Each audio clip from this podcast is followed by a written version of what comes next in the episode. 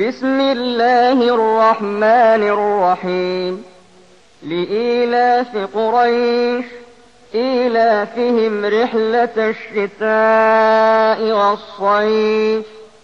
فليعبدوا رب هذا البيت الذي أطعمهم من جوع وآمنهم من خوف.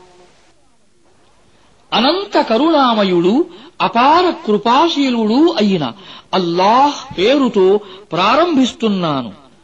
చూడండి హురైషు ప్రజలు ఎలా అలవాటు పడ్డారో. చలికాలంలోనూ ఎండాకాలంలోనూ ప్రయాణాలకు ఎలా అలవాటు పడ్డారో. కనుక వారు ఈ ఆలయ ప్రభువును ఆరాధించాలి.